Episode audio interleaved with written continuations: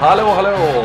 Och eh, god jul så här lite i efterskott. God fortsättning. Och eh, varmt välkomna till eh, LFC-podden. Lite av ett specialavsnitt. Vi har massa gött att presentera och eh, har samlat styrkorna så här i mellandagarna. Det är bara lite drygt två timmar sedan Liverpool tvålade dit Stoke med 4-1. Och eh, en eh, stabil skara har eh, samlats. Eh, jag själv, undertecknad Robin Bylund. Och eh, fullt hus i panelen med avsaknad av Fredrik Eidefors. Eh, jag kan inte ens namedroppa er alla nästan men eh, Christian Andersson, Jocke Lundberg, Daniel Forsell och Kalle Sundqvist. En, en härlig fem, fem, femtett, säger man ens så? Tveksamt tror jag. Men vi har ett fullmatat avsnitt framför oss. Som sagt, vi har dagens match här mot Stoke. Vi har ju nyårskaramellen mot Manchester City. Vi har tyvärr lite trista rubriker vi behöver stanna till vid. Och eh, Jocke, du har laddat upp eh, och förberett oss alla på en stor, eh, ska vi kalla det, någon form av årskrönika dessutom som vi ska snudda vid lite senare. Ja, det stämmer bra. Jockes smällkarameller avslutar vi med idag. Så uh, ja, sitt still. Sitt, sitt still i båten helt enkelt. Men uh, för er uh, andra här, jag hoppas ni har haft en god jul. Som sagt, vi sitter här den 27 december mitt i liksom fotbollens ska vi säga, allra heligaste period då samtidigt som man ska hinna med så mycket annat får väl snabbt stanna till vid också faktumet här, eh, Kalle, att det inte bjöds på Boxing Day-fotboll från, eh, från Anfield eller med Liverpool i huvudrollen. Hur, hur, hur tungt kändes det under gårdagen? Uh, för min del kändes det ganska skönt faktiskt, för att jag mådde inte så jättebra igår. Vi har fått rykten om det. uh, nej, men det är klart att man vill ha en match på Boxing Day. Det är ju en av de stora dagarna på året. Eh, där man kan ligga och såsa i soffan och titta på lite fin fotboll. Men eh, som gårdagen var så gjorde det inte mig jättemycket att vi spelade idag. Du, eh, du kunde se matchen med lite klarare ögon idag helt enkelt istället. Um, Christian, eh, du har eh, lämnat ditt kära Norrköping för att fira lite jul på, på, på hemmaplan, eller? Men uh, breakar av lite för att podda.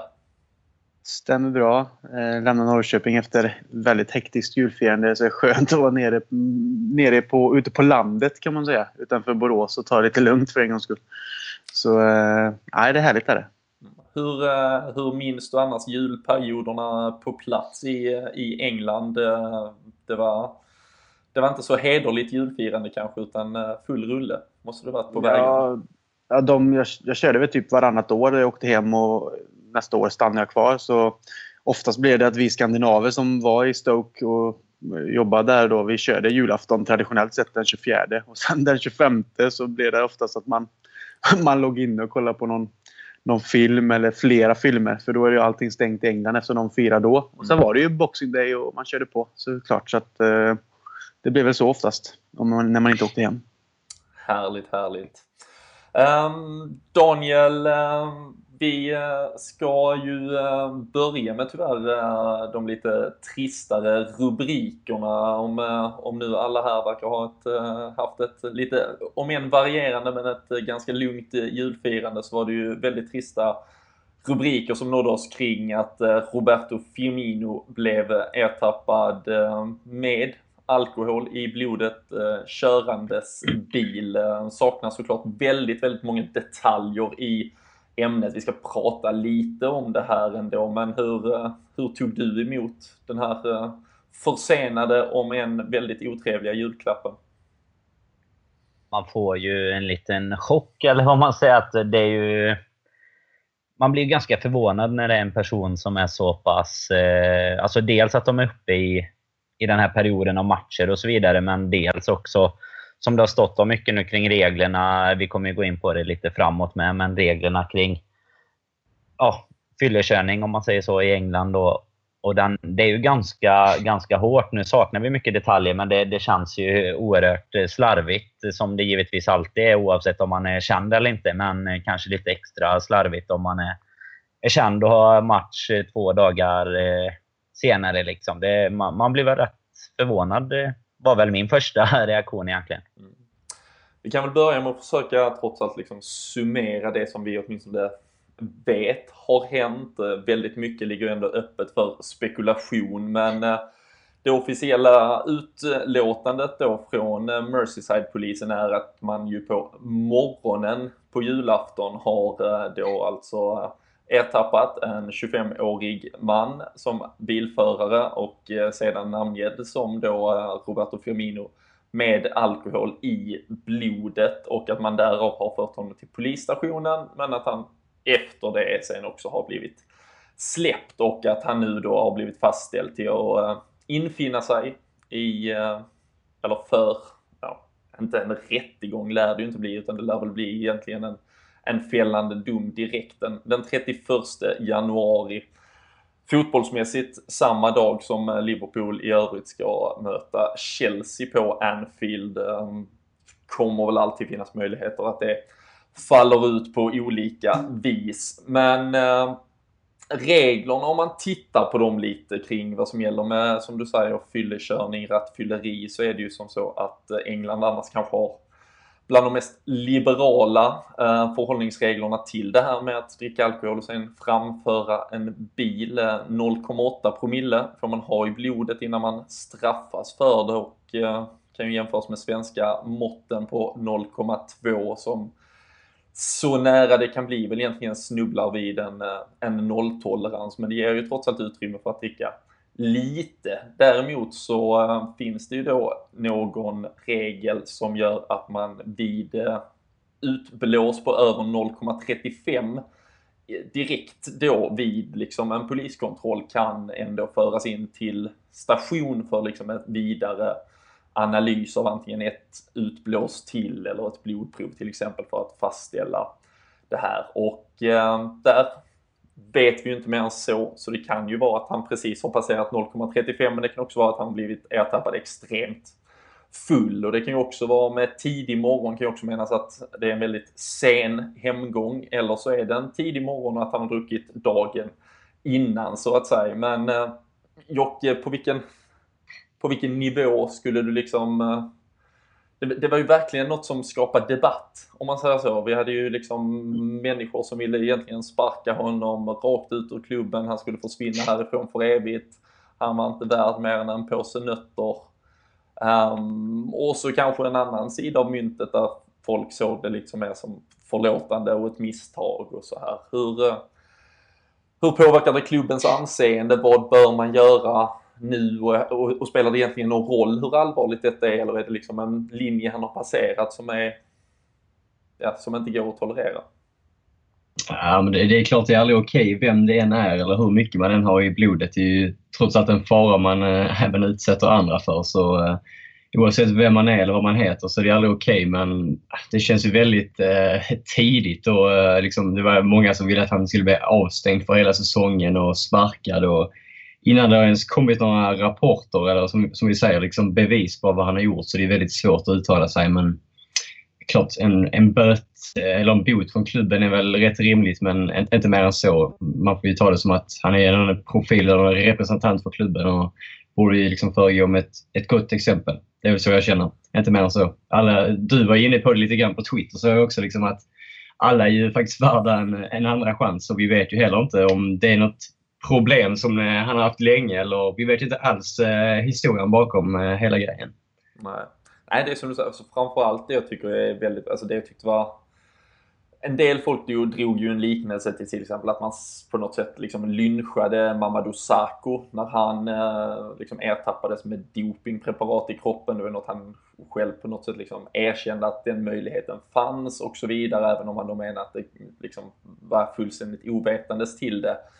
Eh, där, där jag kanske då tycker att det dels särskiljer sig var att det var liksom de facto att han hade liksom proppat i sig det här och eventuellt gjort vad han nu så att säga hade gjort och att det dessutom är en direkt fotbollsrelaterad liksom ändå synd om man säger så.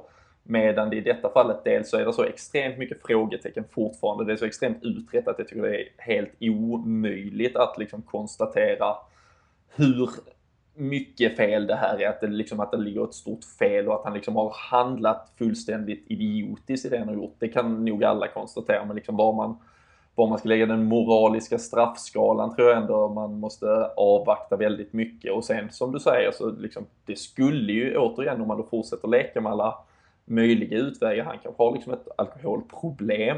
Det tror jag inte. Men har han det så är det såklart liksom ett stort ansvar klubben skulle ha och i så fall leder han liksom in på rätt bana. Man har ju liksom ett så, såklart liksom som arbetsgivare till och med. Alltså det kan ju, alltså det spelar ingen roll vilket svennebananjobb du har. Liksom, skulle någon ertappas med liksom alkoholproblem så kan du inte bara sparka ut personen liksom, och lägga den på gatan och klara dig själv. Så, så det är ju extremt Alltså det, det, är ju extremt svårt att ha den här diskussionen om en fotbollsspelare som tjänar multimiljoner och det är liksom klubbs anseende och allting. Men man, man, måste ju såklart ändå göra det lite större innan man bara bestämmer sig för att, som sagt, uh, hugga huvudet av honom i stort sett. Ehm, tycker väl jag i alla fall. Men uh, Christian, hur, uh, hur reagerar du på det här? julen ibland i, i England kan ju vara lite förknippad med julfester, alkohol. Vi har haft tidigare skandaler. Hur kändes det att det var en Liverpool-spelare som plötsligt stal rubrikerna. Det var ingenting jag var direkt rädd för eh, inför jul och den perioden som är. Men det är klart man blir besviken när rubrikerna kommer upp. Man tycker liksom att fan, det är liksom fan vad onödigt tråkigt. Eh, både för liksom Firmino som är inblandad, klubben och liksom eh, alla som egentligen berörs av Liverpool. Eh, men jag sitter också relativt lugnt i båten och inväntar mer fakta och rapporter på vad faktiskt som har hänt. För innan vi vet det så tycker jag också att det är helt, förlåt jag säger det, men idiotiskt att liksom såga honom längs med fotknölarna och säga att han ska sparkas och stängas av och stängas ut i klubben. Han är inte värd den röda tröjan. För vi vet ju faktiskt inte. Det kan ju vara så att, som du sa innan, att han har tagit några glas kanske kvällen innan eller några glas med druckit och det har varit fest och sen ändå ansett att han dagen efter tidig morgon kan köra och känt sig helt okej okay, men att han precis har legat på gränsen och att det är endast på gränsen och det är beklagligt och det, det är inte okej. Okay. Men innan man vet om det är så att han faktiskt är packad och helt och hållet borta så att säga till att faktiskt köra, sitta i bilen, att han faktiskt gör ett, ett mänskligt misstag så tycker jag att man kan liksom vänta med den domen eh, innan både den rätts, liksom lagen har gjort sitt och även klubben har fått utreda det. Så att, eh, jag tycker inte att man ska sitta och skrika på massa saker innan man faktiskt vet mer. Nej. Kalle, vad tyckte du? Det var ju många som spekulerade i huruvida han skulle få starta överhuvudtaget vara i truppen idag. Klubben har ju egentligen bara kommenterat det första då, eh, liksom första rapporten med att man, man själv kommer vara tyst tills dess att eh, liksom, rättsväsendet eh, har sagt sitt. Jag eh, personligen trodde kanske att man skulle uttala sig i förbindelse om man nu valde att spela honom eh, eller inte spela honom nu valde man att spela honom. Han eh, gör ju en bra match. Han gör mål idag. Visar sig återigen vara en viktig spelare för Liverpool och, och, man diskuterar inte någonting av det. Ger det någon fingervisning av liksom hur klubben har tagit emot det här och är det liksom klubbens sätt att visa att man ändå backar upp honom till, till 110 procent? eller är det så enkelt att man bara, nej vi avvaktar, men att man mycket väl själva kan stänga av honom sen helt plötsligt om det visar sig vara något annat längre fram? Jag tycker, ja, det är klokt agerat ändå tycker jag, att inte göra någon, någon big deal av det. Helt klart hade ju klubben kunnat gått ut och, och kommenterat det på något sätt, men samtidigt som jag varit inne på, ingen, vi vet ju inte vad som har hänt än. Um, så jag tycker väl ändå att det att det är rätt gjort från klubben. Det vart inte mycket sagt om det, eller rättare sagt ingenting sagt om det efter matchen heller. Um, så att um, jag tycker att klubben har agerat bra ändå. Mm. Ser man till det han har gjort så är det ju... Jag har ingenting emot att spelarna går ut och tar ett glas och har lite roligt, men att de gör det i den här perioden är kanske mer idiotiskt än, än, eh, än annars i och med att det är så mycket matcher gör de det på ett landslagsuppehåll så har inte jag någonting emot det. De ska också få ha lite kul liksom. Men det är ganska taskig timing i, i det här läget.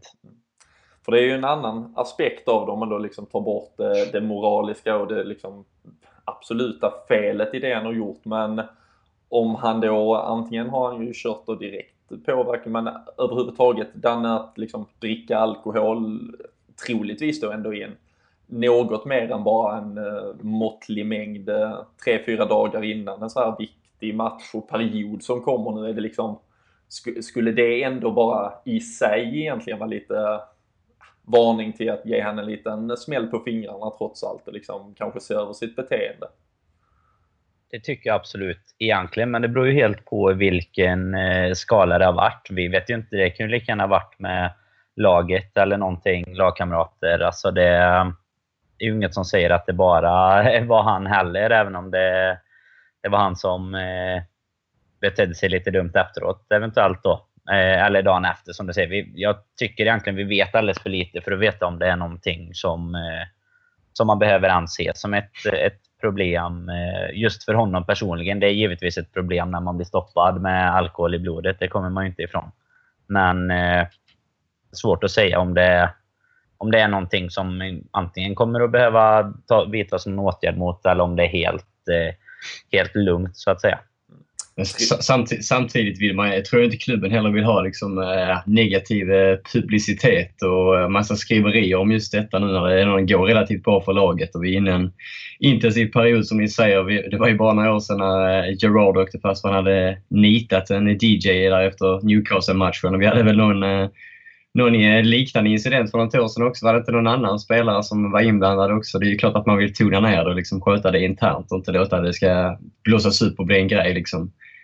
Det är ju, rätt skött helt enkelt. Men tror du... Det är väl det som blir det jobbigaste för klubben egentligen. Att det blir en stor grej av det i så fall. För att eh, det, Klopp kommer ju få sitta och svara på frågor om det här istället för hur, huruvida laget går bra eller inte. Och det kommer ju ändå hänga med ända fram tills dess att det är klart, om man säger så, där i slutet på januari eller när det nu blir då, så kommer det ju ändå ligga lite som en...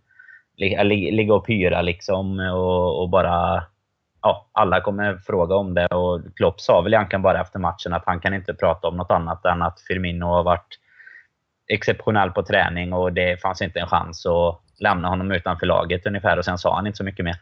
Men känns det, känns det dock inte lite som att om det nu hade varit så här, liksom, klart en allvarlig grej, men om det, det finns ju olika typer av eh, allvarligt på den här skalan. Men om det nu hade varit så allvarligt, hade liksom inte det redan läckt ut i engelska pressen som är rätt nådig på allt annat också med hur mycket han eventuellt skulle ha haft i blodet och, och liknande. Det känns ju som att det finns väldigt många tabloider som hade betalat ja, bra för att ja. Eh, låta den här polismannen uh, uttala sig lite off the record om hur han uh, trillade ut ur bilen och, och lite annat snaskigt om det om så var fallet. Och jag tänkte faktiskt komma, jag tror ju inte heller att om det skulle vara, för jag är ju ganska säker att man har haft det kan vi nog konstatera haft ett väldigt liksom, allvarligt samtal med Firmino ändå. Eh, vi har ju märkt att han annars så aktiv på sociala medier har eh, tonat ner sig ganska avsevärt de senaste dagarna.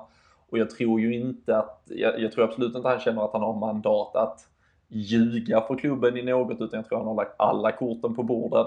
Och med det då så har klubben ändå tagit beslutet att när han ska spela, vi ger han vårt stöd. Och då har han inte, det vågar jag lova, kört kraftigt berusad som sagt, vilken linje och gräns han än har passerat så har han gjort ett stort fel. Men det är som sagt skillnad på att sätta sig direkt liksom dyngrak och ge sig ut som en total trafikfara eller att det är två glas vin som inte har hunnit pysa ut ur kroppen. Och jag kan inte tänka mig att han har blåst liksom 1,7 och eh, liksom sagt att nej men vad fan, vi, låt mig spela så länge och sen så får jag liksom eventuellt till och med ett fängelsestraff eh, om en månad. Så eh, jag, jag, tror ju som sagt att det är en ganska lindrig form. Eh, vi har ju haft, eh, alltså, tyvärr, och det, och det är ju en av de kanske liksom eh, största så här, jag visste inte vad jag gjorde och jag ber om ursäkt för allt som hände. Felen som, som tyvärr inträffar i dagens samhälle och, och inkluderar väldigt många stora stjärnor genom åren. Men jag, jag känner som sagt, det, det nådde galna proportioner eh, inledningsvis. Och eh, vi hade ju Jaya Touré som eh, åkte dit för något väldigt liknande bara för någon vecka sedan. Han är ju liksom ja, återigen liksom i, i startelvan för Manchester City och gör det bra och gör mål och allt möjligt. Och jag tror väl att det är enda sättet att liksom ta hand om sin spelare i detta och såklart vara tydlig i hur man sen kommunicerar kring det som händer och blir han dömd till någon form av böter såklart liksom ta ett samhällsansvar. Um, kan ju absolut vara liksom extra viktigt att pressa eller liksom uppmana Feminio till att typ ta sig ut till skolor, prata om det ena och det andra och så här och visa att man tar det ansvaret. Men ja, jag ställer mig inte i, eh, i ledet till hans avrättning eh, än i alla fall. Men eh, känns det som att vi ska helt enkelt parkera detta så länge och låta fotbollen vara det som stjäl fokus framöver istället. Vi lär väl återkomma i, i ärendet. Det, det, det lär så bli. Kalle, en annan som däremot eh, kanske lämnar klubben eh, om än med fullständig ära i behåll, men eh, ett rykte som har verkligen eh, eskalerat och eh, tagit fart här de senaste dagarna. Känns ju i och för sig som man alltid har varit ryktenas man de senaste tre fyra åren vid fönsternas öppnande som nu sker här 1 januari. Men Lukas Leiva till Inter säger ryktena och även ganska många ganska trovärdiga källor påstår att det här faktiskt är något som skulle kunna bli verklighet. Eh, hur, eh, hur känner du till eh, något sådant? Dels att Lukas skulle lämna en av klubbens då sista så att säga trotjänare på något sätt och den, den plats han skulle lämna och är det rätt läge att låta honom gå nu? Eh, ja, jag tror helt, helt klart att det, det är en möjlig, en möjlig flytt för honom. Eh, och alla goda ting har ju sitt slut, så är det ju. Man är ju alltid lite emotionell när, när de här trotjänarna ska lämna. Det var ju lika när Skärte skulle lämna också, även fast han, han hade varit lite dassig på sistone. Eh, men ja, var sak har ju sin tid och det har ju egentligen varit dags nu enligt spekulationerna och vad folk har tyckt så, så har det varit dags för Lukas att lämna i några år nu. Jag tycker att det har varit klokt att behålla honom för att han, han har fyllt en funktion. Eh, sen ska man ha i åtanke att han börjar bli till åren. Eh, så att jag tror helt klart att det är, en, det är en möjlig flytt för honom förutsatt att vi fyller ut den positionen med någonting. Jag tror att vi kommer värva, värva en mittfältare i januari i så fall, eller ett defensivt alternativ som han har stått för den här säsongen. Ehm, um, vad vet jag inte, men jag tror helt klart att det kan bli verklighet. Mm. Krille, om vi, eh, om vi leker med tanken att det, det skulle vara verklighet, vi ska prata lite mer om Lukas som spelar, men är det, är det i så fall att man tror att en Joe Gomez eh, är liksom tillräckligt frisk och kan fylla den här luckan? För vi har ju egentligen sett, Lukas Leva har ju blivit ett egentligen fullända, alltså mittbacksalternativ. Det är väldigt sällan vi har sett han på mittfältet, eller skulle det vara startskottet på den officiella jakten på en ny mittback eh, om han går? För vår trupp har vi ju sett med en del skador, den, den är inte den bredaste där finns. Vi har spelare som är skadebenägna vågar vi liksom låta en sån kille gå nu när vi ska in i momentum och, och plöja igenom en vårsäsong? Någonstans eh, känner jag väl att man ser Joe Gomez som, som jag själv läste någon ursäkta, artikel om att Klopp ser han som the real deal och att han liksom visar att han är väldigt talangfull och att han nu bygger upp sin fysik och att han kommer kunna konkurrera om en plats eh, och även då kanske då fylla den här platsen som Lukas då skulle lämna efter sig. Ehm, absolut. Men samtidigt tror jag att man ändå har ögon på andra alternativ. Man låter liksom inte en spelare som Lukas som ändå kan spela både mittback och defensiv mittfältare och gör det med, eh, som gör det bra och kommer in och liksom stänger matcher och eh, som sagt är en av klubbens sista trotjänare. Ehm, lämna om man inte har en plan för det. Men absolut, Joe Gomez tror jag finns där i tankarna. Och jag tror ändå att Klopp är så pass att han håller utkik. Sen vet jag inte om man går just för en mittfältare. Jag tycker att vi ändå har på den positionen. Eh, vi såg ju Chan till exempel, vi kommer säkert återkomma till det sen, men han kom in idag och det finns ju spelare så att säga. Men eh, det är väl rätt timing egentligen i så fall att låta Lukas gå. Jag kan tycka personligen att det är lite tråkigt. Jag gillar Lukas och har egentligen alltid gjort. Men eh, precis som Kalle säger så allt har sin tid och eh, skulle han lämna så finns det ingenting annat än att egentligen bara hylla honom för den trogna tjänsten han har gjort. Mm. Jocke, eh, Lukas är ju som sagt, vi, vi har nämnt ordet trotjänare nu ett par gånger. Han eh, hade ju även så att säga kvalificerat sig för en eh, testimonial om han hade stannat till sommaren. Eh, visserligen så påstås det ju då göra sig gällande om ett lån här eh, i första skedet till Inter och i så fall en permanent övergång därefter. Hur, eh, hur skulle det kännas i, i hjärtat om eh, Lukas Leva lämnade Liverpool? Är det liksom nödvändigt ont eller eh, är han ändå liksom, har han blivit lite kultfigur? Alltså det känns ju som ett, två sidor om myntet. Jag ser dels ingen anledning till att släppa ut honom på lån eh, faktiskt eh, här och nu. Jag tror inte han själv heller är sådär jättesugen på det med tanke på att det känns ju som att han genuint älskar klubben och staden och han har ju ändå bott här i över nio år och eh, han har ju sitt gäng där med Firmino och Moreno och Coutinho och grabbarna. Det känns som att han är trygg och han trivs här och jag hade ju hellre sett att vi hade sålt honom permanent till sommaren än att liksom, eh, få ihop någon eh, lånedeal med italienska klubbar. Då vet man att de bara tar han fram till maj och sen ska de inte ha han eh, ändå.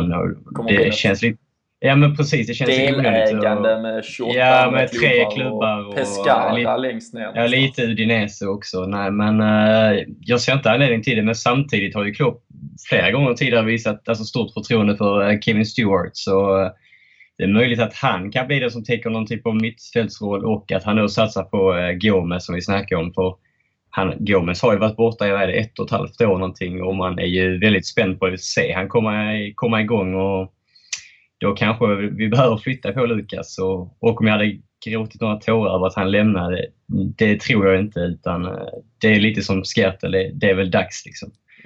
Eller som det var med Skertel. Men vi vet, vi vet ju inte heller riktigt vad Lukas säger i saken. Det kan ju vara att han, han vill ha mer speltid helt enkelt och att han Även ja. om han trivs i Liverpool med, med de här grabbarna och även har varit i klubben och älskar staden och befolkningen, den röda sidan. Liksom, egentligen majoriteten älskar honom för den spelare och den typen av professionell spelare han är. Så kan ju vara att han har haft ett samtal med klubben och Klopp och sagt att han vill ha möjligheten att gå någon annanstans för att faktiskt kunna återuppta sin karriär lite och faktiskt få spela de sista åren som han har. För i Liverpool är han ju inte garanterad en plats och då, då kanske inte klubben helt enkelt vill stå i vägen för honom efter den här trogna tjänsten som han då har haft under de här åren. Och, och se det som att ja, men vi har ändå folk som kan täcka luckan. Vi har andra unga talanger och varför ska de då hindra honom? Så det kan ju vara att han har också begärt att få en förflyttning. Det vet vi faktiskt inte.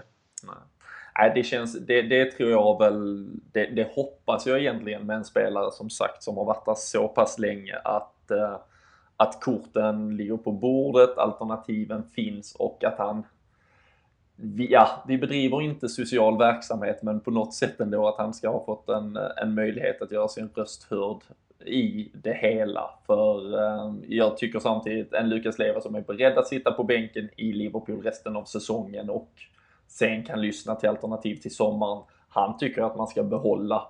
Sen kanske det också har visat sig att han har varit på väg ut från Liverpool ett par år och det har bara varit liksom turkiska klubbar, ett par andra alternativ som inte riktigt, riktigt har lockat. Men att det nu eventuellt faktiskt erbjuds en, en lösning med till exempel Inter som framförallt då nämns eh, som, som på alla sätt och vis skulle kunna vara en, liksom, som du säger där Krill, en, en sista utväg till att verkligen lyfta upp sin karriär eh, innan han ja, troligtvis skriver kanske sitt sista liksom, stora kontrakt. Han fyller 30 nästa år. Och eh, då ska han få möjligheten att välja Um, sen tycker jag väl kanske att det är lite riskabelt uh, om man tror att, eh, om än vad man tycker om Lukas Leva, att, att Kevin Stewart skulle vara mittfältsalternativet och att Nej, Joe precis. Gomez- Det bara, det bara att han har visat. Liksom, han har gett han en del Ja, förtroende och slängt in han. det, det, är inte, det är verkligen inget jag personligen står bakom. Utan det är bara Men mest han att han är den... Där har han ju Ja. trots allt valt sina, alltså han har kunnat välja sina chanser. Han Ja. har ju gett honom ligacupmatcher annat. Skulle det plötsligt vara att eh, Emre Can är skadad och Jordan Henderson blir avstängd och vi skulle behöva starta Kevin Stewart i en, i en viktig Premier League-match. Då, då är väl inte jag jäkligt glad. Och Joe Gomez har faktiskt fortfarande aldrig spelat en seniormatch på Premier League-nivå som mittback. Han har spelat ett par matcher som vänsterback, han har gjort ett par matcher i Championship. Han är ju egentligen fullständigt oprövad. Även om han såklart ska ha den här enorma talangen. Ehm, och det är väl samma sak där. Även om Joe Gomez troligtvis kommer ha en högsta nivå som liksom med råge kommer att utmanövrera Lukas Leva. Så, så vet jag liksom inte om han mot United den 15 januari är redo att hoppa in från ingenstans. Men eh, jag hoppas väl att man kanske låter Lukas Leva ta beslutet, inte själv, men åtminstone att man tar det i, i dialog med honom. Men, men också att man eh, ser sig för kring, kring alternativ eh, och att det faktiskt finns någon plan. Men eh, hur tror du där Danne kring transferfönstret och vi kommer ju gå in troligtvis, vi har match mot Manchester City, men vi kommer gå in i det nya året och, och liksom ha verkligen ett slagläge för slutet av säsongen. Är det liksom läge att fokusera på vad som ska lämna Liverpool snarare än vad är det inte nu det bara borde vara liksom rykten om alla spelare som ska in och göra oss till, till ett sjuhelvetes jävla lag här på sista svängen? Jo, men lite så ändå. Jag tycker väl, eh, lite som ni har varit inne på, att vi kan inte eh, skeppa iväg han om vi inte har en ersättare klar egentligen. Vi kan inte riskera att Lukas går och så sitter vi där med liksom Joe som, eh, ja, som andra reserv blir det väl egentligen efter Klavan om, om han skulle byta med Matip när han är tillbaka. Men man såg ju när Lovren eh, låg ner idag liksom och eh, då tänkte jag att nu kanske Lukas kommer in som mittback. Jag hade inte gärna suttit där med helt oprövad eh, Joe Gomez egentligen. Men vi, vi att, eh, har alltså gett upp Mamadou Sakho helt. Han finns inte. Nej, han kommer lämna. Han, han tror jag kommer lämna. Det kan vi nog fast Vi har- har på även januari. Om, någon, om det är någon eh, som tar den. Ja.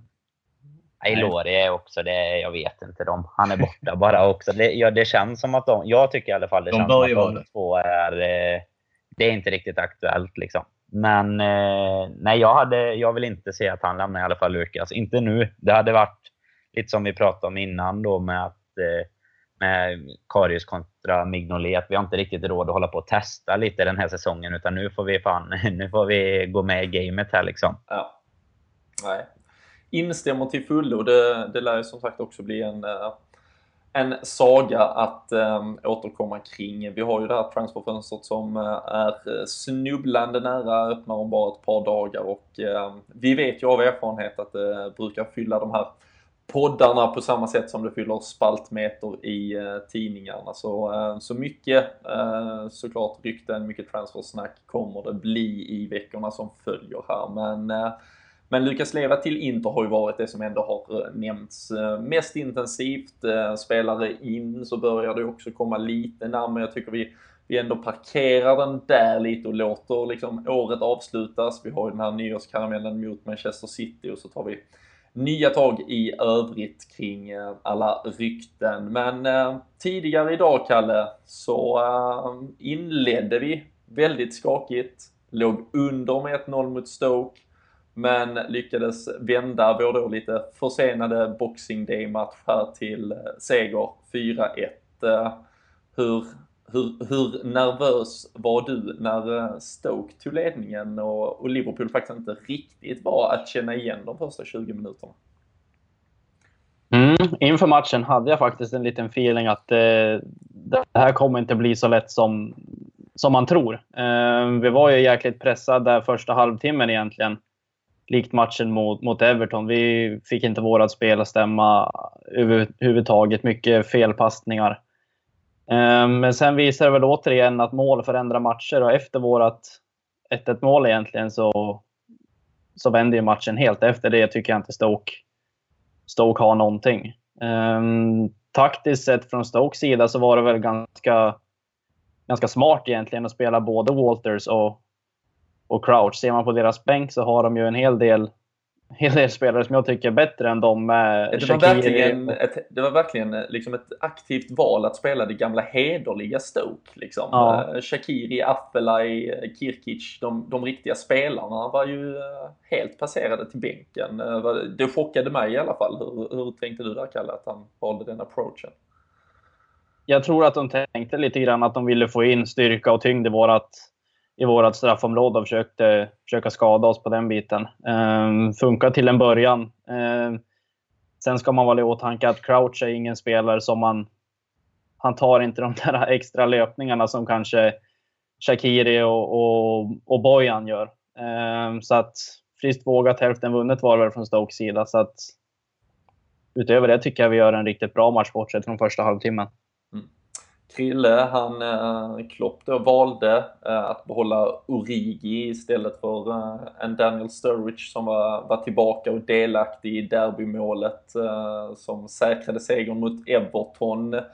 Hur, eh, hur tyckte du annars att Liverpool, som sagt, vi kan väl konstatera att vi var, vi såg liksom lite där, vi var inte riktigt inne i matchen eh, första halvtimmen, men hur, hur tyckte du att spelet i övrigt såg ut sen när vi växte oss mer in i det? Var det var det, det vanliga Liverpool som vi vant oss vid? Eller hur eh, upplevde du den här som blev en, en vändning och sen en uh, väldigt fin seger?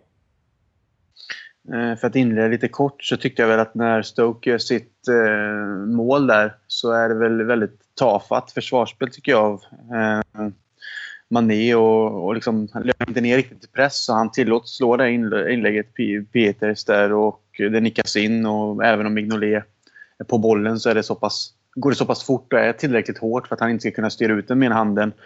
Um, och sen är det enligt mig väldigt, uh, en, en, ja, kanske den viktigaste liksom, händelsen i matchen är väl när Mignolet räddar Eh, Allens skott som hade kunnat bli till 0-2. Då tror jag att vi hade fått riktigt svårt. För eh, det är ju liksom så. 0-2 istället för 1-1. Det är en väldigt stor skillnad.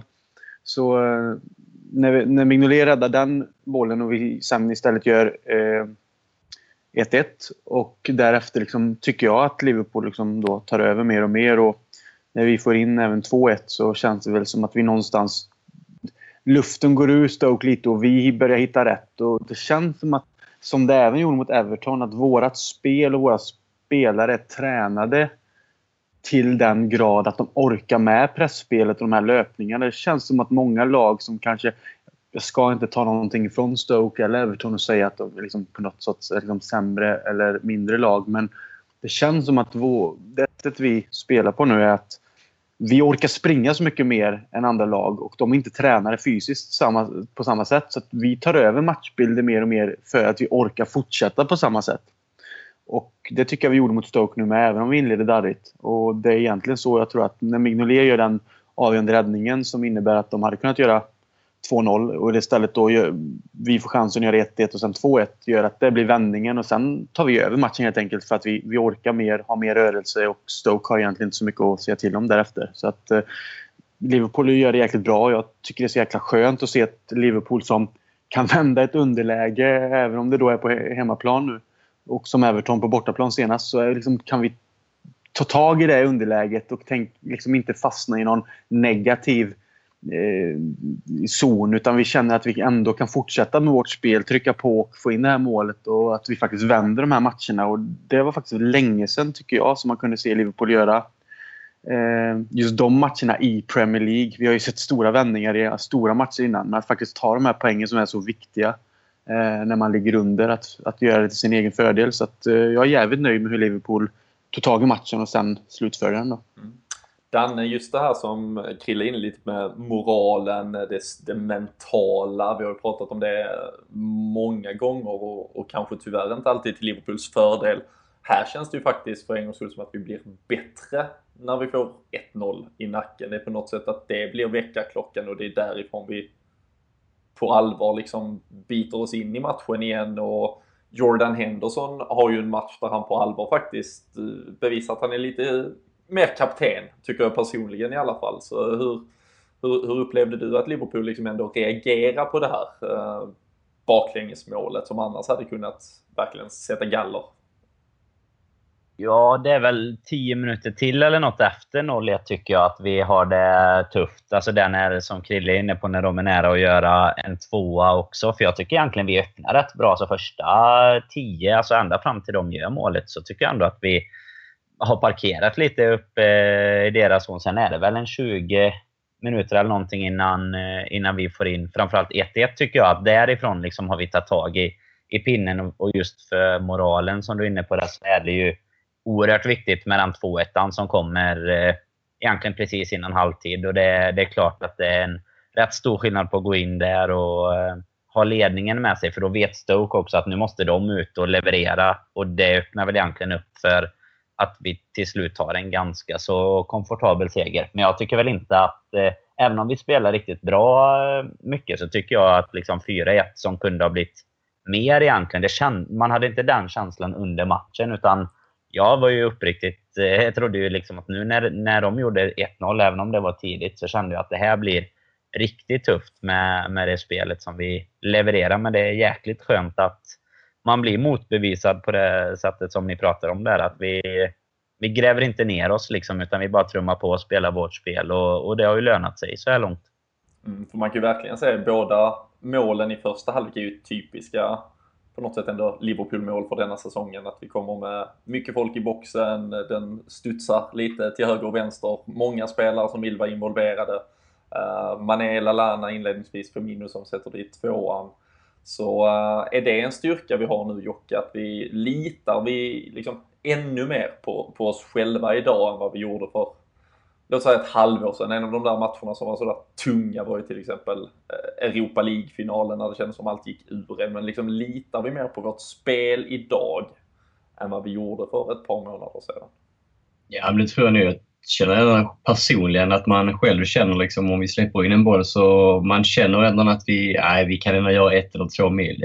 mål till. Man har lugnet och det speglar även sig på planen. Eh, vi snackade ju om det för inte så länge sedan, redan här mot Bournemouth, eh, eller så här, eh, Burnley eh, i början av säsongen, att ha den här vändningen och tålamodet som vi snackade om ett par avsnitt just där. Det tycker jag man har sett särskilt nu de sista veckorna att vi, vi kan eh, liksom eh, åka på en mina men vi reser oss ändå och kämpar och vi vet och tror att vi, vi kan eh, göra fyra, fem mål. Liksom. Eh, det handlar bara om att fortsätta kämpa. Vi ska inte heller ta bort tyngden av att vi, vi spelar dagen efter alla toppkonkurrenterna har vunnit. Vi är uppe i toppen. Vi måste ta poäng för att hänga med. Vi hamnar i underläge nära 0-2 och liksom är nästan överkörda första 20 men reser oss ändå. Det tycker jag är jävligt starkt. Eh, sen kanske inte var den absolut bästa matchen vi har gjort någonsin men alltså tron och att resa oss, det, det, alltså det är något nytt. Det har vi inte sett eh, sista åren alls. Det var väl just då 08-09 när vi kanske senast hade det. Alltså något vi verkligen har fått in nu eh, det här, egentligen den här sidan av året och den här säsongen, det är just det som du var inne på lite innan Bylund, att vi fyller på i straffområdet hela tiden. För det är ju typ Lalanas mål, alltså det görs ju inte utan att man verkligen tar jobbet in i straffområdet också när eh, man väl får chansen. Det är ju lite eh, tur givetvis, men är man inte på plats så, så blir det ju inte mål helt enkelt. Och lite så har det väl alltid varit innan, att vi, man sitter och är lite förbannad för att vi aldrig fyller på i boxen. Liksom. Mm. Och där har vi också något, eh, Kalle egentligen, jag vet inte personligen upplevs det som att det liksom Fyra, till exempel när vi vann med 4-1 mot eh, Leicester inledningsvis eh, på säsongen, då känns det som en liksom, utklassning. På det. Liksom, vi, vi bara förde den, vi vann stort. Det här känns knappt som en stor vinst på det sättet, men ändå gör vi alltså fyra mål.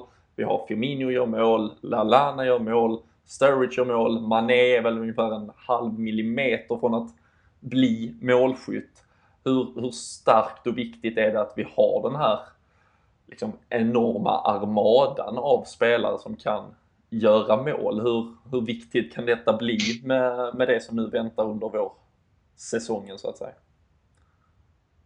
Ja, det är egentligen två vägar till, eller inte två vägar, men om man ska jämföra två olika saker. Om du ser på Chelsea till exempel. Skulle de bli av med Diego Costa under en längre tid, då kommer inte de ha samma målproduktion. Och det är det som är fördelen med det här. Och vi är lyckligt lottade med att vi har så många spelare som kan göra mål. Att vi inte har en spelare som, som gör tio mål fler än, än eh, den som gör näst flest mål. Så det, det tycker jag bara är en styrka. Att hela laget bidrar till målproduktionen. Vi har ju fyra, fem spelare nu som, som står på bra antal mål. Um, så att det, eh, det, tycker jag helt klart, är, helt klart är en fördel. Sen hade man kunnat föredra att haft en spelare som när vi hade Suarez till exempel. Um, man kan alltid föredra en Suarez. Absolut. um, så att det finns ju två vägar egentligen. Um, men helt klart är det jättebra att ha, ha så här många spelare som kan bidra med mål. Och Daniel Sturridge eh, kom återigen in denna gången ett dubbelbyte där både han och Emre Can precis som senast eh, då kommer in och eh, nu äntligen så, så släppte det. Eh, om än med väldigt god hjälp från, från Stoke. Får ett friläge, måste såklart ha extremt mycket press och tankar kring det här viktiga ligamålet som liksom förväntas att han ska göra och, och med det sedan producera fler hur uh, vi har pratat liksom om att nu gå in i på något sätt slutskedet, liksom. visserligen bara halvvägs. Men uh, kan det också vara något som ger islossning för framtiden att Daniel Sturridge äntligen fick markera sig i protokollet? Ja, jag känner det är sjukt viktigt att han levererar nu när man är, kommer vara borta i en månad eller något i den stilen. Det beror på hur det går för uh, Senegal. Men uh, han kommer in och ligger ju bakom uh, målet mot Everton och kommer in idag och liksom hänger en kasse. Det, det är väl bara liksom att han inte ska gå i tur nu som saknas. Men det är väl den viktigaste grejen och det har väl alltid varit det största frågetecknet kring honom. Liksom. Mm. Och, och fortsätter att samla på sig lite decemberminuter som annars har varit så eh, så eh, förtvivlat svårt för hans del. Eh, nu eh, väntar ju som sagt Manchester City på nyårsafton. Vi har under veckan hört eh, tyvärr kanske lite rykten eh, och eh, snack om att Filip Philippe Coutinho inte är så långt fram i sin rehabilitering som man hade önskat. Han hade ju själv satt på något sätt ändå en målbild att kunna vara tillbaka mot Manchester City. Vi får ju se, det kan alltid vara ett spel och mörkläggning såklart. Men eh, frågan kvarstår ju nu egentligen. Vi satt här för ett par dagar sedan och diskuterade också. Men Divock Origi mot Daniel Sturridge nu. Krille, om vi ponerar att vi sitter med samma trupp och har en så viktig match som vi kommer att ha här på lördag kväll mot Manchester City. Vem, eh, vem hade du liksom äh, låtit bära din livförsäkring? Ja, eh, det där är, jag satt och diskuterade med mina kompisar innan när jag, när jag kollade på matchen också. Där att Sturridge kommer ändå in och får lite minuter under bältet och Origi går ut. Så, så man kan se det från båda sidorna. Att antingen att, att Origi går ut för att vilas till City eller att Sturridge får lite minuter under bältet för, som sagt, för att komma lite i... Ja, och så gör han det här målet och får lite självförtroende inför att spela mot City. Det, det är lite svårt men eh, Alltså, Origo har gjort det väldigt bra det senaste med sina mål. Han gjorde inte liksom mål mot Everton då och han gjorde liksom inte mål i, idag heller. Men jag tycker han höll upp det bra. Jag menar, han, han, han, han springer på, han håller upp backlinjen och kämpar och sliter och är ändå del av laget. Jag tycker han kommer in i själva spelet bättre och bättre. Och bidrar mer med lite mer löpningar, lite mer rörelse. Men äh, någonstans känner jag ändå så att mot City. Jag menar Sturridge är Sturridge och det är väl lite att dra paralleller med till vad eh, Gerard hade gått ut och sagt i någon intervju att ibland så eh, känns som att Sturridge inte inser hur bra han faktiskt är. Eh, han har ju en naturlig målinstinkt och det målet han gör idag får han hjälp från Stoke men han är påpasslig. Han ser att en bakåtpass kan komma i det läget. Så han sticker, tar den, liksom, gör en liten snygg översiktsfint, får, bort, får ner målvakten och så lägger han in den. Så att skapas det målchanser så som man kan hoppas mot City med den rörelsen och den speed vi kan ha så Sturridge är ju ett dödligt vapen så att någonstans skulle jag gärna se honom som en joker även om eh, som sagt Origo har gjort det så pass bra så det kanske inte är befogat att bänka honom men jag skulle, jag skulle nästan gå på Sturridge-kortet faktiskt om jag får välja just för att han han är en målskytt av rang och dyker upp ett läge så är det väldigt stor chans att han sätter den. Mm. Vi ska eh, alldeles strax rikta blickarna mot den där eh, så viktiga City-matchen. Jag tänkte eh, avslutningsvis annars här på eh, eftermiddagens batalj där mot Stoke. Eh, Kalle, vi har ju suttit här väldigt många gånger och pratat Adam Lallana eh, idag, återigen målskytt på eh, ja, lite patenterat vis med hur han liksom bryter in i straffområdet från sin mittfältsposition. Um, jag har inte sett uh, siffrorna från hela matchen. Jag såg att han hade sprungit 7 km redan i första halvlek. Det är ju ett uh, snitt som skulle ge honom 1,4 mil. I klass med mig nästan. Ja, det är vad du uh, gör på en kvart i Helsingborg. Men kan vi... Är, är det någon engelsman som är bättre än Adam Lallana just nu i, i Premier League-fotbollen? Nej, inte vad jag kan komma på så här på rak arm. Och de diskuterade det där faktiskt för inte så länge sedan Ehm, i Sky Sports-studion. Och då var Carragher inne på, precis som du sa, att han är, han är nog den bästa engelsmannen i ligan just nu. Och det, jag läste senast idag att ingen mittfältare i Premier League har varit involverad i fler, fler mål än vad han har varit den här säsongen. Um, så han bidrar ju med det nu som det som har saknats från att göra honom komplett helt enkelt tidigare. Um, så vi breakar väl nu att Adam Lallana är Premier Leagues bästa engelsman. Mm. Och därmed bör han vara värderad till typ 2 miljarder också med tanke på vad hårdvalutan är för, för engelsmän eh, nu för tiden. Så eh, nej, nej, men han har ju varit eh, helt fantastisk och eh, verkar ju på många sätt också vara liksom eh, the go-to man eh, bland spelarna. Så man känner, alla verkar känna ett förtroende för honom. Han kan liksom diktera ganska mycket med hur han pekar, hur han vill att det ska spelas fotboll. Och Ehm, det, det, var ju den rollen han såklart eh, hade i Southampton, eh, var lagkapten och på många sätt deras stora stjärna. Men, eh, men kom ju sedan in i ett Liverpool som var liksom i en transition, man, man hade en jättebra säsong i ryggen när han kom. Det var ju press på att liksom alla skulle komma in och på något sätt leva upp till det som Luis Suarez hade presterat. Det var en Steven Gerrard som fortfarande fanns, fanns med och liksom inte hade axlat eh, liksom, eller lämnat över sin mantel. Men, men det känns ju verkligen som att han har växt ut och, och på något sätt också trivs i rollen som, som en av Liverpools liksom riktigt bärande spelare. Och eh, det är nog ingen enkel match att eh, komma in och bara ikläda sig den rollen eh, i Liverpool. Ehm, vi kan hamna på likvärdig tabellposition med ett lag som Southampton, men det är ju såklart en du leder ändå ett lag som på något sätt huserar på en världsmarknad i förhållande till, till de här med respekt och mindre klubbarna och äh, det känns ju som idag känns det som att han är den fotbollsspelaren han, han på riktigt är och att han kan leva ut det till fullo, vilket är eh, fantastiskt och eh, värt all, eh, all beröm man tänkas kan. Är det någon annan som, har ni något annat, någon spaning, någon analys, något ni tänkte på från Stoke-matchen som är värt att ta med oss eller ska vi rikta blickarna mot det som komma skall här lite senare i veckan? Vi går på nyår. vi går på nyår. Hur, eh, och, det för vi, vi fick ju en del frågor kring det. Vi får nästan börja där någonstans. Eh, Danne, hur, eh, hur fan löser man det här med att det är Liverpool 18.30 på nyårsafton? Har, har du skrivit en manual till hur man mest möjligt kan åtminstone försöka blicka in via Play eller via Satt eller hur man lyckas lösa detta?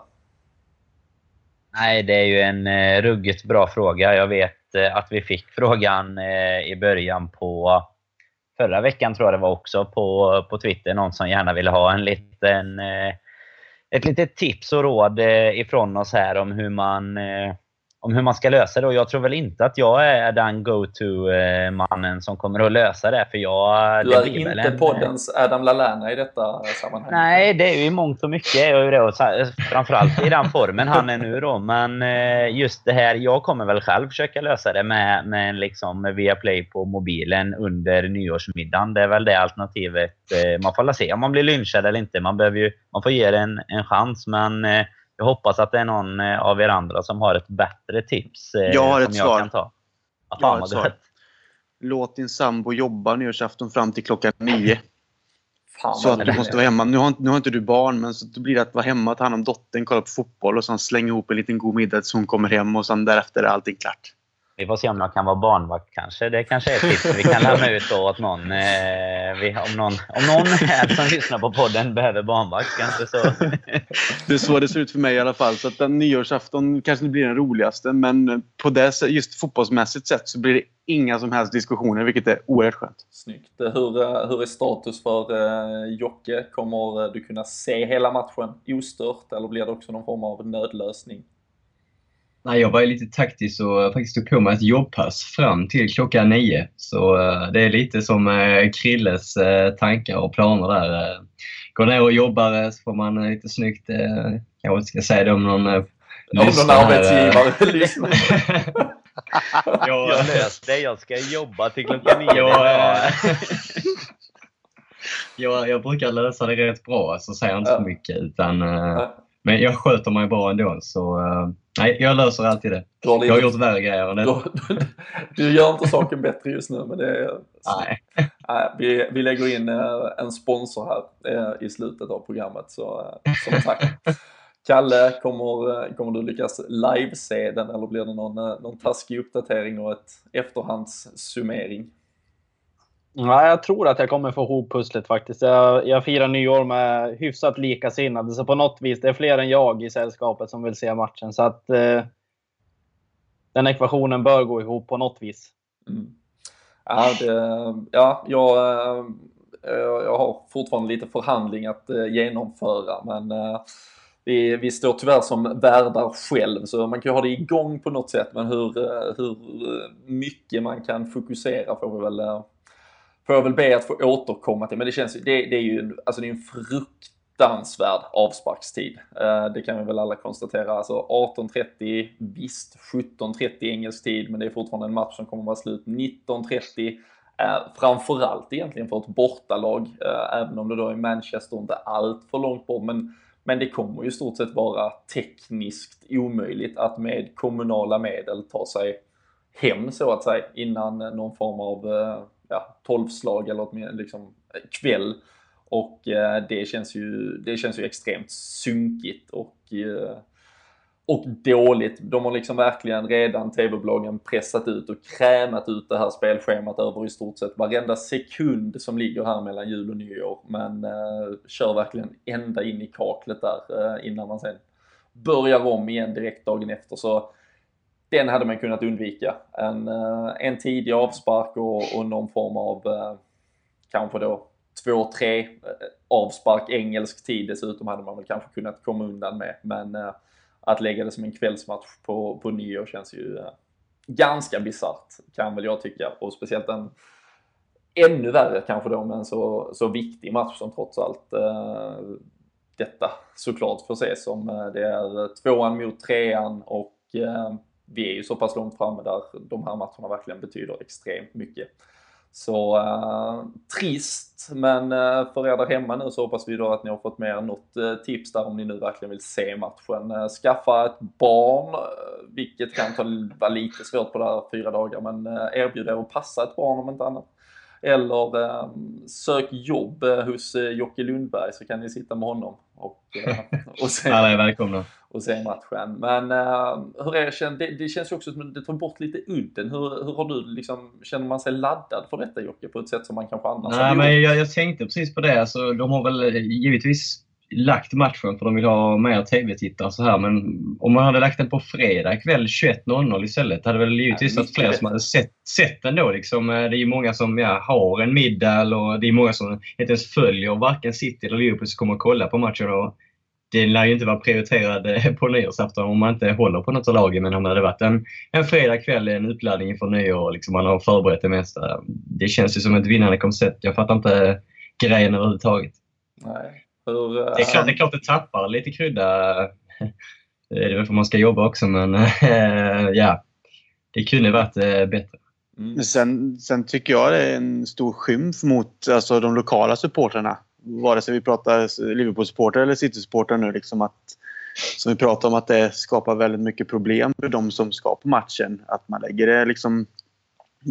Eh, ja, det, det, känns bara helt, helt idiotiskt. Liksom att eh, ja, de kommunala transportmedlen kommer inte gå som vanligt och folk kommer sitta fast på platser eh, och kanske få invänta klockslaget på diverse tågstationer, busshållplatser och så vidare. Men samt att de som bor runt Anfield vet jag har sagt liksom det här problemet att många kommer köra bil till matchen för att de, som sagt, de kommunala transportmedlen inte går och många brukar kunna parkera runt Anfield-området, sina bilar. Det har jag själv sett. Men nu kommer ju många familjer ha folk på bjudningar och det kommer parkeras och det kommer inte finnas platser för dem då just för att eh, supporterna är där med sina bilar. Så att det skapar ett så pass större problem för, för dem. Vi, vi kan ju liksom sitta här och säga ja, liksom med TV och allt det här. Det kan ju lösa sig relativt enkelt. Man kan kanske ha på det i bakgrunden och så vidare. Eh, hur, hur, hur man än vill kanske skämta om det också. Men just om man hade varit där på plats själv eller för de som faktiskt är, liksom, går på varje match så är det ju egentligen jag vet inte. Jag tycker liksom rent att, att det är taskigt sett till liksom vad det kostar och vad folk lägger ut för pengar eh, sett över en hel säsong och även så här match då beroende på hur man kommer ta sig hem eller inte. Absolut. Jag tycker bara man kan understryka det och det är ju eh, alltså Anfield-området, det är något vi har pratat om förr här liksom. Det är ju inte ett eh, om folk pratar om att man vill bygga ut arena och det, det ena med det fjärde liksom. Men, men det finns ju inte logistik för att hantera särskilt mycket mer än liksom det som verkligen är standard. Så direkt man får en avvikelse, likt det man lär få här på lördag, så, äh, ja, så kommer ju dessutom det sättas på prov. Så på så sätt så är det såklart också en utmaning. Men äh, matchen annars, hur äh, Danne, vi har ett Manchester City som, äh, det, det, känns liksom som att de går lite sådär egentligen, men, men de är ju såklart eh, uppenbarligen poängmässigt i stort sett eh, lika bra som eh, vi. Och ehm, vi ses ju då tillsammans med dem som utmanarna på något sätt till Chelsea här. Hur, hur är känslan inför matchen? Liksom hur, hur, hur, hur rädd är man för Manchester City nu för tiden? Vi har ju dessutom spelat väldigt bra mot de andra då topplagen. Vi har ju slagit Arsenal, vi har slagit Chelsea till exempel. Hur, eh, är du nervös inför detta här som komma skall och med ett City, ska vi säga, som åtminstone i teorin kan ha Sergio Agüero tillbaka, men eh, så får vi se om han tar en startplats eller ej. Ja, alltså nervös är man väl alltid inför en sån match. Sen eh, tycker jag ju att City, det har ju varit ett ganska kul lag att möta de senaste säsongerna här faktiskt. Vi ju haft, eh, man ska väl inte säga lätt för dem. Eh, eller ja, det ska man ju egentligen säga, det har vi ju haft. Men eh, jag håller väl med dig också om att de, de känns som att de inte är så heta just nu. Men de, de tar ju sina poäng. Eh, men jag tycker väl att det känns som att det, det borde vi kunna lösa. Liksom. Jag tycker det känns så när det är hemmaplan och så, för det känns som att de kommer komma dit med kanske inte inställningen att de eh, bara kommer ösa för de tre poängen, utan eh, jag har en bra känsla faktiskt. Är det, Kalle, hur, eh, hur skulle du objektivt se på en sån här match? Är det, är det Liverpool som ändå går in med favoritskapet rent av här och, eh, och ett City som kanske kommer komma till Anfield för att faktiskt bara bärga en poäng rent av? Eller kommer det vara en, en, en match som ett öppet slag där det är ganska jämnt fördelat hur det här kan sluta? Ja, jag gillar egentligen inte att spekulera inför matcher vem som är favorit och inte, men eh, ser man till tabellpositionen och, och, så som vi har spelat och väger in våra senaste matcher mot City så är vi ju lite favoriter. Um, vi kommer ju inte få se någon match som när vi mötte United på Anfield, utan City kommer ju gå för vinsten. De, de vill ju inte åka dit och plocka en poäng. Liksom. Uh, inte på förhand i alla fall. Sen är de mycket väl nöjda med en poäng. Um, utgången får vi väl se. Vi möter ju inte Martin Demichelis och Mangala i mittbackslåset. Men... Frågan är väl däremot vem jag, jag tänkte precis säga det. Får vi möta Otamendi och John Stone så kanske det kan lösa sig ändå med, med de grabbarna vi har offensivt. Så att, eh, ja, jag skulle säga som lätta favoriter. Inte mer än så faktiskt. Jocke, om man tittar på den, alltså, det känns ju verkligen som en match med inga liknelser i övrigt, men det är ju två lag som ändå har producerat väldigt mycket mål framåt, men sett väldigt skakiga ut bakåt. Eh, ska vi liksom förbereda oss på någon sån här 4-4 match där det blir mål på allt och fullständigt kaos? Eller, eh, eller är det trots allt, pratar vi trots allt liksom så pass taktiskt skickliga tränare i form av eh, Klopp och Guardiola att när det ändå bryts ner till en match till 90 minuter så, så kommer det liksom eh, balansera sig på något eh, sätt här. Det är väl just det som ska bli det roligaste att se. Det är ju, det är ju lite av en sexpoängsmatch även fast det bara är fyra poäng om vi skulle vinna. Vi är framför City men en trepoängare här det är ju givetvis ett jättekliv istället för att liksom eventuellt förlora match och släppa förbi dem. Ehm, det är just det jag är lite sådär, eh, kör vi vår eh, klassiska rock'n'roll eller har vi lite taktiskt eh, med tanke på att vi har vunnit mot de flesta topplagen redan och Bra fråga faktiskt. Samtidigt, Guardiola var ju på plats idag på Anfield. Likt kan vi säga David Moyes. Vi har ju Sunderland borta några dagar efter eh, vad han eh, har i tankarna. Det undrar väl eh, de flesta. Men eh, inget bra svar på den frågan. Det kan gå precis hur som helst. Men jag har en väldigt bra känsla faktiskt. Där det finns värre lag att möta eller som passar oss mindre bra snarare. Mm. Ja, vi har ju, eh, om man tittar ett par, ja man ska väl lägga något år till, tillbaka, det var ju två 3-0 segrar bland annat på Anfield. Vi hade den väldigt, väldigt fina 4-1 segern på eh, Etihad som en av Jörgen Klopps första triumfer får man väl ändå eh, kalla det som, eh, alltså som ni nämner så är det ju ett, eh, ett fint facit att falla tillbaka på. Men eh, Danne, vi var inne lite på att det var lite villervalla i eh, försvarsspelet eh, idag. Ragnar Klavan är ju den som har klivit in nu i Matips frånvaro. Hur, eh, hur känns det att ställa upp med den försvarsfemman som vi har mot eventuellt då Agüero, De Bruyne, David Silva, en återvändande Raheem Sterling. Kan vi liksom eh, hålla intakt det som ändå ganska fint har varit då bara ett insläppt mål här på tre ligamatcher? Eh, eller finns det, finns det risk att vi går på pumpen liksom med, med den uppställningen?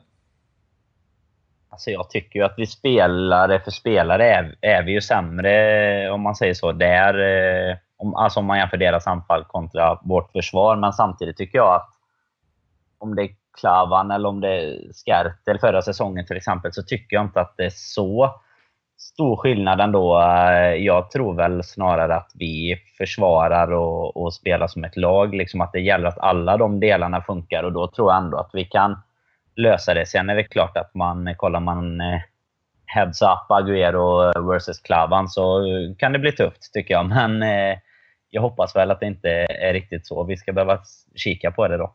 Nej.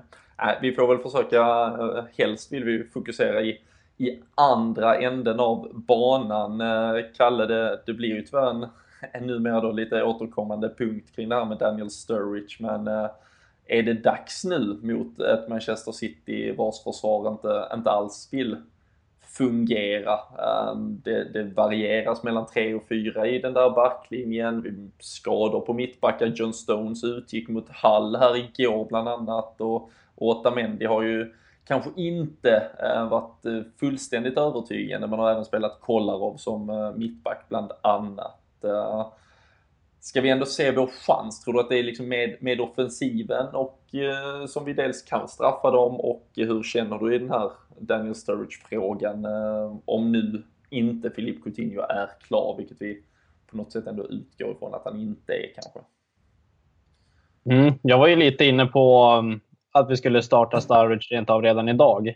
Mm. Eh, såg man till det han kom in och gjorde idag? Jag varit lite förvånad faktiskt för att det var första gången på länge som jag såg han se glad ut på planen. Eh, det såg ut som att han tyckte, om, tyckte att det var kul att spela fotboll igen. Eh, så att slänga in han från start i en match mot City, det tror jag skulle kunna bara påverka han positivt egentligen och visa att, att han får förtroende till en sån stor match. Um, mår, är han i, i, i, mental fokus och i, i sitt SL, vad man ska säga, så tror jag helt klart att han, han är, är mannen som ska kunna skada, skada City mer än vad Origi ska kunna göra. Um, om man ser till hur vi ska skada dem så är det väl, är det väl egentligen likt som vi har spelat mot dem innan. Um, mycket förflyttningar i anfallsspelet, positionsbyten. Uh, Hög den biten. Press hög press, framförallt i deras lite darriga försvar emellanåt. Um, ja, nej. Jag, jag skulle starta Sturridge. Och du låter ganska optimistisk också tycker jag. Är han inte den nya optimisten här? Jag är, jag, är alltid, jag är alltid optimist fram till avspark. Då tror jag att det ska gå åt helvete. Ja, det är härligt det. Christian, eh, hur, eh, hur tror du det går mot Manchester City om vi uh, konkluderar det vi nu har uh, diskuterat här?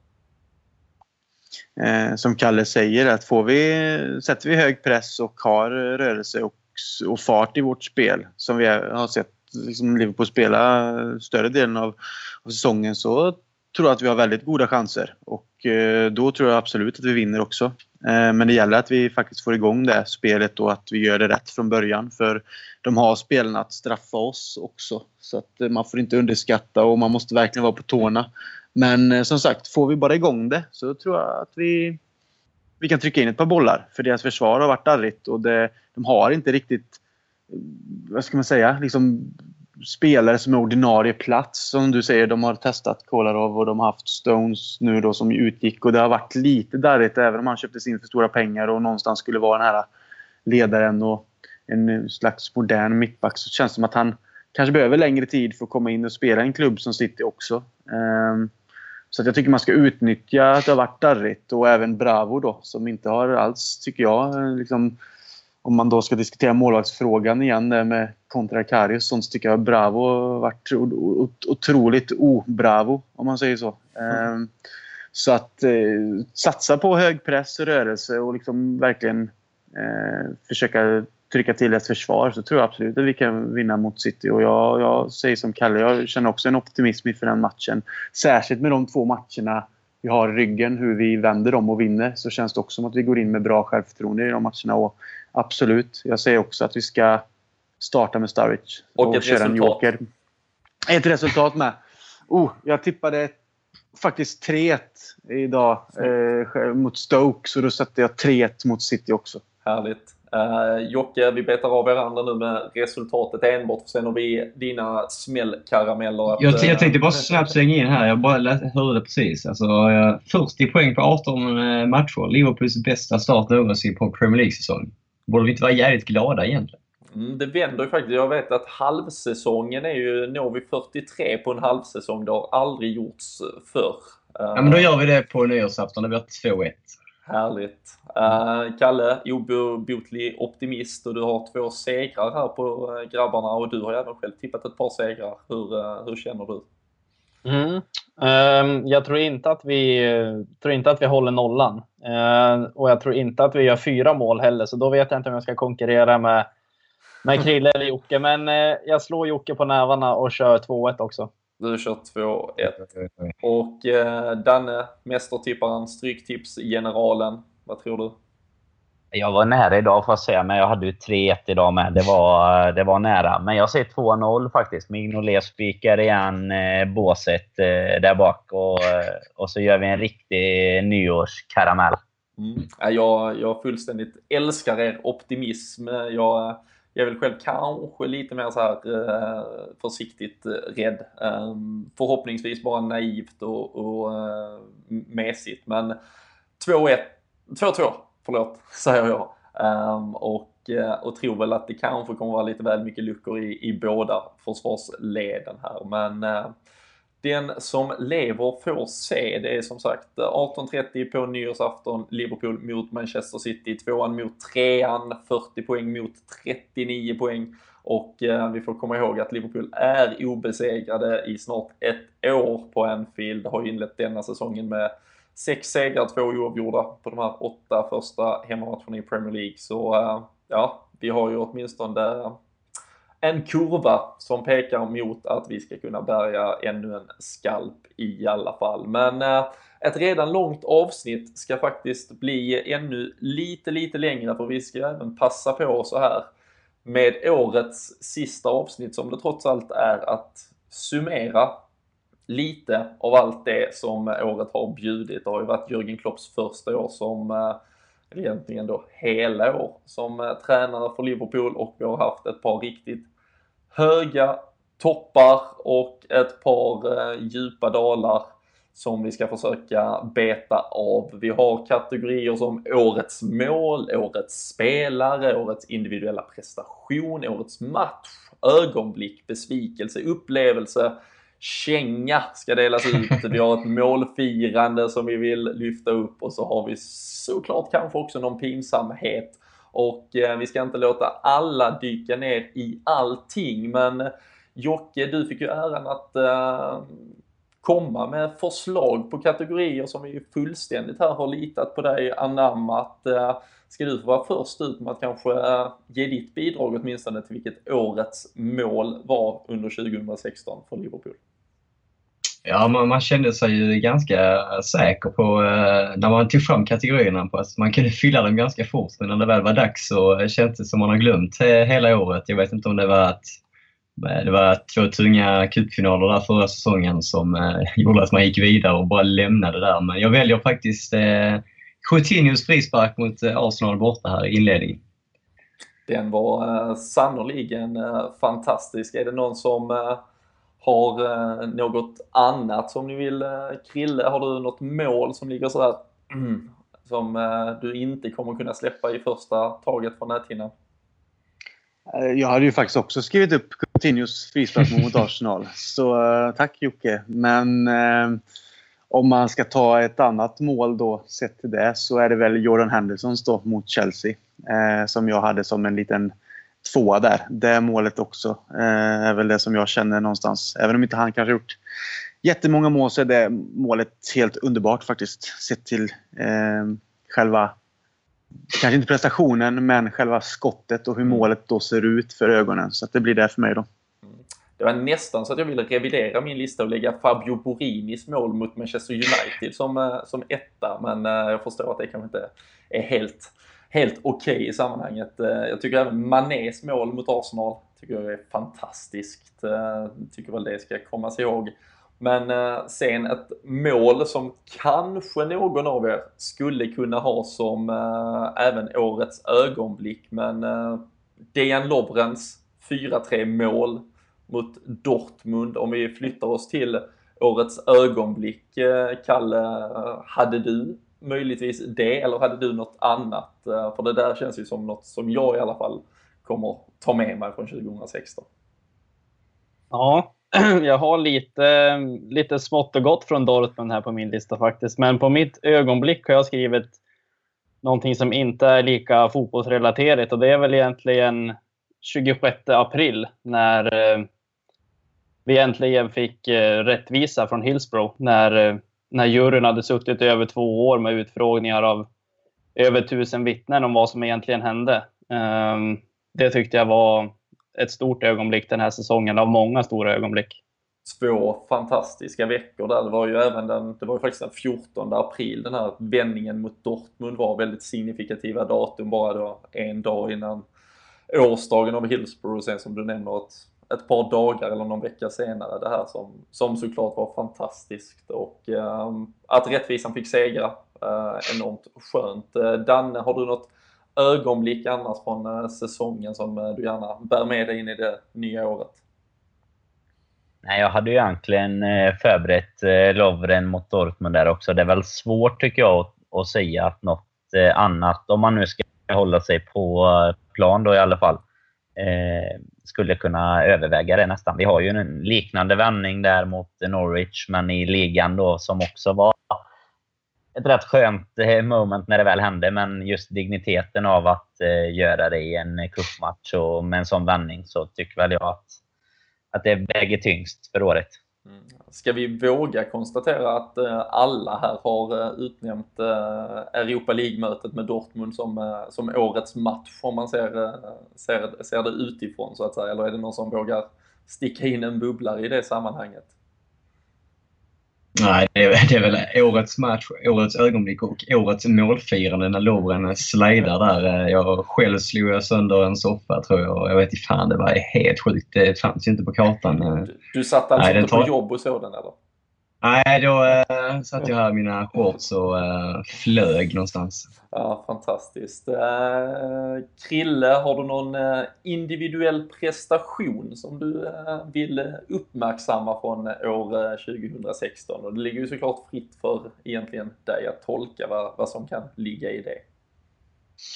Eh, som vi sa innan, för att hålla det kort här, var det svårt från det året som har gått för det är så himla mycket så allting smälter ihop. Men det jag fick upp ändå var, liksom, om man ser till början av säsongen, det var eh, när han presenterade sig ordentligt för publiken. Eh, Manés mål mot Arsenal eh, valde jag ut där just för att hålla sig relativt till ny, nyss, eh, vad säger man, nyligen händelser så att säga. Så är det hans mål när han tar sig förbi backarna där och vänder in och sen trycker in den i bortre. Så att det är mitt årets prestation. Mm. Hade du något där Danne, någon prestation du tyckte var lite extra fantastisk? Mm, jag vill ju bubbla med Coutinho mot United där också. Den är, de är väl lite liknande Mané Arsenal. Ja, precis. Det är också en liten eh, räd på kanten där som väl till och med blev eh, årets mål tror jag för Liverpool förra säsongen. Mm. Eh, så, och det är väl lite samma där. Det är, både, det är jäkligt snyggt, men det är väl också storleken på målet som jag tycker att den prestationen blir ytterligare bra. Han sänker ju hela den klubben, för den, det året i alla fall, med det målet där. Sänkte hela bortaläktaren också. Jag flög ner till hörnflaggan. Ja, det är fantastiskt. Då, då kanske vi eh, osökt egentligen kommer in på eh, årets eh, liveupplevelse. Några av er oss har, har hunnit över på ett par härliga vändor. Jocke, du, du följer ju Europa League-äventyret väldigt noggrant. Är det därifrån du hämtar någon av årets bästa liveupplevelser för dig personligen under säsongen? Ja, jag har ju snackat om det ett par gånger, men eh, det var ju ett par matcher jag hann med där. Och eh, framförallt Dortmund borta var ju speciellt på sitt sätt på grund av eh, fansens gemenskap. Där stod ju Dortmund-fans och sjöng och ölade tillsammans med Liverpool-fans på gatorna. Det är ju ingenting som man kanske ser två lag eller klubbar göra alltid. Prisade, vi är väl prisade faktiskt av Uefa för en av liksom de största så här, fansmanifestationer mm. på något sätt. På liksom... sen, sen ska man alltså, när Origi får in 1 målet där, då, då trodde man ju verkligen att man flög på, jag vet inte vad man flög på, men det kändes som vi, vi var tillbaka på allvar faktiskt. Det var i Europa framförallt. Det var länge som man hade den äh, känslan. Sen måste man också lyfta fram äh, Basel där med uppladdningen och allt vad det innebär, även om det slutade i katastrof.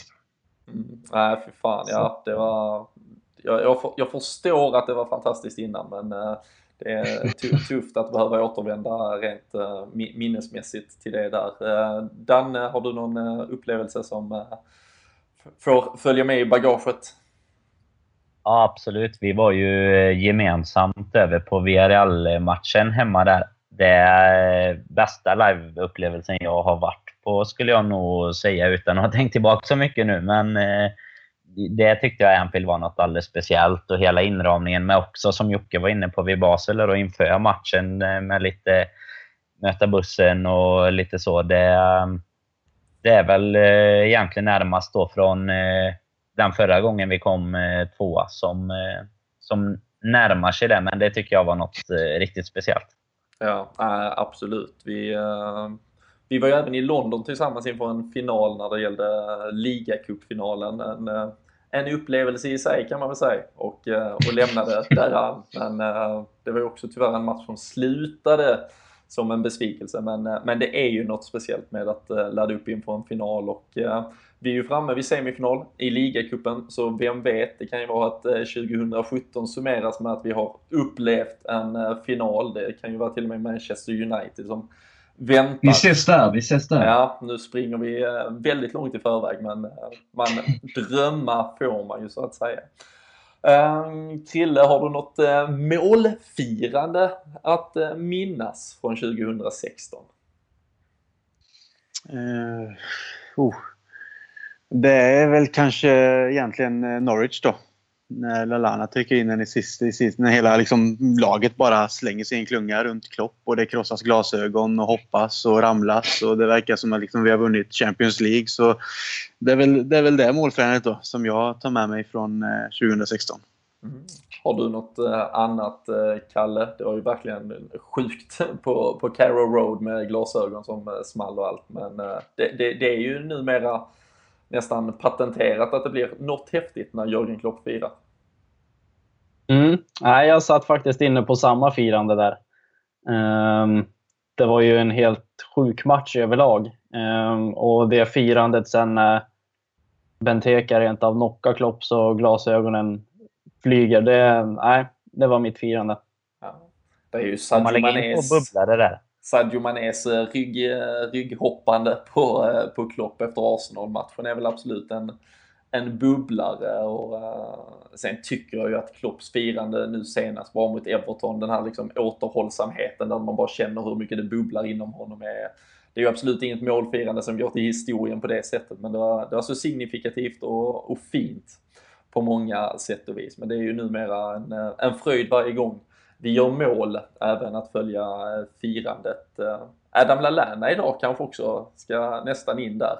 där han, eh, han flög rätt rejält när han skulle hoppa i famnen på Firmino efter 2-1 målet.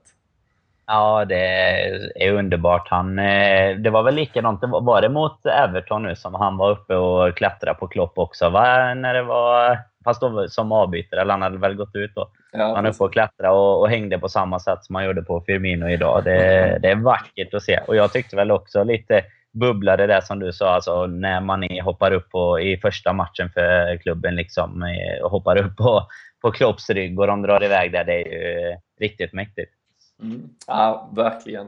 Vi, vi hoppas ja, ändå, vi har ju trots allt en match kvar för året, så vi kanske hoppas att det största firandet och häftigaste målfirandet kommer på, på lördag då. Men eh, om inte annat så har vi ett par kandidater där. Eh, Jocke, en som jag vill lägga ja. till, jag vill lägga till en där bara som jag hoppas vi får se lite framåt. Det är Coutinho, Firmino och Manés lilla dans där. Som vi hoppas de ska fortsätta och eh, leverera även under 2017. Så det blir väl både detta och nästa års eh, målfirande. Och med lite förhoppning att de har lärt Mané hela dansen och att han bara står och tittar på och inte fattar så mycket kanske. Men, eh, ja. Och Sturridge-dansen var ju dessutom tillbaka idag. Så det är nej, härliga tider för målfirande. Men eh, Jocke, om man ska dela ut en känga till någon, och det kan vi också eh, betrakta och tolka hur man vill, men eh, vem, eh, vem hade du delat ut en sådan till i så fall? Det kändes jävligt bra när jag skrev ner den återigen i kategorin. Det kändes som att man kunde såga någonting. Sen när jag väl skulle såga någonting så var det inte så lätt. Men jag eh, tog faktiskt fram eh, fans som inte bidrar på matcherna. Eh, både tyst men också bittert och gnälligt när det går dåligt. Vi har ju haft Klopp här som har varit ute och inte sågat, men kritiserat fansen eh, att de blir lite tjuriga och gnälliga när eh, laget kanske inte får in den här bollen som de jobbar för. Och, ja, han har ju varit, eh, det är ju en del av han att såklart ha den personligheten, men han har ju faktiskt varit ute och swingat en del i pressen. Jag vet inte hur ni känner kring det? Nej, men absolut. Jag håller också med dig om det, för det har man väl själv också upplevt. Att stämningen eh, ofta kan vara lite sådär och sen läser man lika mycket efteråt om hur dålig stämningen är av de som verkligen har varit på matchen och så vidare. Så att eh, det finns väl mycket att göra bättre för alla som eh, får möjligheten att åka till Anfield. Att faktiskt också bidra, inte bara åka dit för att uppleva stämningen. Vi träff, Kalle, du kan ju berätta om... Eh, vi, vi träffade ju en som verkligen var där för att uppleva stämningen. Om än att det då uh, alla övriga gjorde en fantastisk insats där mot Villarreal som vi pratade lite om innan. Ja, det var nog den uh, bittraste människan jag har träffat i hela mitt liv faktiskt. Han kan få en känga personligen kanske rent av. Ja, det ska han ha. Han sa alltså att det var den sämsta matchen han upplevt. Ja. det är helt... han, Ja, han får eh, en eh, fet norrländsk vinterkänga från mig 2016. Ja. Eh, Fantastiskt. Äh, det, det är fan skarpt när man har tagit sig till Europa League-final, vunnit med 3-0 på ett elektriskt Anfield och känna att ah, det var fula mål i alla fall. Det, ja. Vi måste tillägga att det verkligen var seriöst med. Han Absolut. skojade inte. Utan ja. det var 100 procent. Alltså. Han, han ville ha mer. Men ja vi får se, han kanske är gladare idag. Vi hoppas det i alla fall. Krille, har du något eh, du har varit besviken på som helhet under 2016? Uh, eh, besviken på? Uh, ska vi se. Nu känns det som att man börjar tappa det lite här vad man har, vad man har listat. Men besvikelse egentligen, ja. Ja, laginsatsen mot Sevilla egentligen då efter att eh, vi leder. Eh, själva är ju alltså ihopklappet helt enkelt. Eh, lagmoralen. Det är väl den besvikelsen att vi någonstans började så bra och spela på de fina tangenterna och någonstans hela eh, pianot bara ramla ihop så att säga. Så att det, det, blir årets besvikelse för min del. Kalle, har, eh, har du någon, eh, något annat att eh, falla in med där eller är det, är det svårt att undgå uh, Europa League-kollapsen? Ja, det är svårt att gå förbi den. Det är, det är en sak att förlora en final, men sen jag hade, jag tror inte det var bara jag heller, det var många som hade en sån känsla inför matchen att man kände en optimism och man eh, var så, allting kändes så bra och Starwich gör 1-0 och sen, sen rasar allting ihop liksom och då, nej, då ville man bara somna. Mm. Ja, nej, det, ja, det är ju bara att skriva under på. Det var ju extremt eh, tufft, eh, tungt, eh, jobbigt på alla sätt och vis. Eh, sen har vi ju varit inne på det, kanske, jag vet inte om det ska klassificeras eh, som en besvikelse, men jag, jag kommer väl kanske beroende på hur den här säsongen slutar ändå påstå att en, eh, en sista spetsvärvning i somras, eh, alternativt om den kommer nu här i januari, eh, med tanke på att vi, vi uppenbarligen är så bra som vi är att det skulle kännas surt om vi återigen, det har ju hänt 08-09, det hände 13-14, missar ett eventuellt ligaguld med ett par poäng om vi då hade kunnat öppna plånboken, spenderat lite, lite mer, haft någon extra bredd, haft någon extra spets. Eh, men, men det är ju kanske mer en besvikelse som kommer vara summerande om det skulle gå i, eh, i fel riktning eh, när säsongen summeras. Men ja, vi får se om man har lärt inför januari om man tar ny sats här. Men eh, Daniel, vi ska ju inte bli alltför bittra nu här inför slutet. Vi ska snart också utse årets spelare, men har vi något pinsamt eh, att eh, plocka upp som årets pinsammaste 2016? Jag har i alla fall en bra kandidat tror jag. Lite, eh, jag var inne på en besvikelse också runt hela sagan eh, Mamadou Sakho och det pinsammaste som jag tyckte var lite det här eh, Snapchat eh, My där han la ut när han eh, ja, helt enkelt gick eh, lite loss på hur dåligt behandlad han blir och varför han inte får spela när han borde spela och så. Det tycker jag är rätt pinsamt. Det är inte riktigt så man ska kanske bete sig och det är inte heller så man kanske tar sig rätt in i laget heller igen. Nej. Jocke, eh, jag, jag tror, du kanske inte försvarar eh, Mamadou Sakho men kanske Snapchat, jag vet inte, det är ju ett av dina väldigt stora intressen. Men har, du, eh, har du någon annan eh, pinsamhet från någon annan i truppen, klubben, ledning? Ah, jag slängde faktiskt in insatsen mot Bournemouth för veckorna. Jag tyckte det summerar allt eh, hur vi presterar de sista 20-25. Det, det är sånt som gör att man skäms och håller på Liverpool ibland faktiskt. Nej, känga där också. En eh, skånsk känga. Skånsk känga, ja. Och eh, jag får väl eh, summera med mig och jag jag tycker väl, det, det är kanske inte helt rätt att klassificera det som pinsamt, men, men, att det blev som det blev med Loris Karius i förhållande till att det, det här liksom skulle vara året då vi bytte ut Simon Mignolet mot något vi kunde lita på och eh, att det liksom tog 8-10 ligamatcher innan vi konstaterade att nej, det var nog inte helt jävla rätt. Det, det är inte pinsamt som sådant. Jag tycker också framförallt det är extremt snyggt behandlat i efterhand att vi tog action på det och att vi har liksom rättat till det som ändå gick att rätta till med, med hopp om att vi gör något annat framöver. Men eh, jobbigt att det blev som det blev, om inte annat.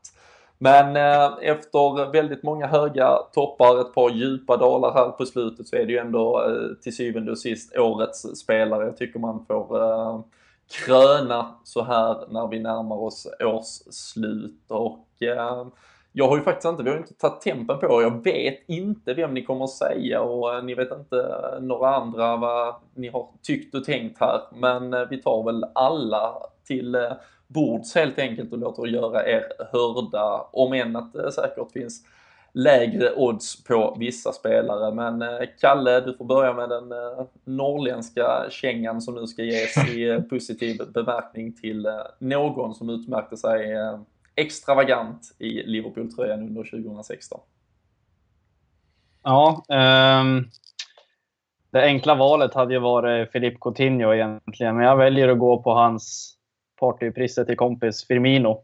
Um, han har gjort flest mål sen Klopp kom in. Um, jag tycker han har presterat jämnt över hela säsongen. Och sen, uh, han jobbar hårt i både offensiven och defensiven och han passar perfekt in i vårt lagbygge. Um, så jag säger Roberto Firmino. Snyggt. Christian, vem uh, ger du din krona till och kröner till konung? Eh, den går till Mr har bara druckit en halv pint i hela sitt liv. Mr Reliable James Milner. Just för att han aldrig gör en dålig match. Han arbetar stenhårt för laget, för jaget.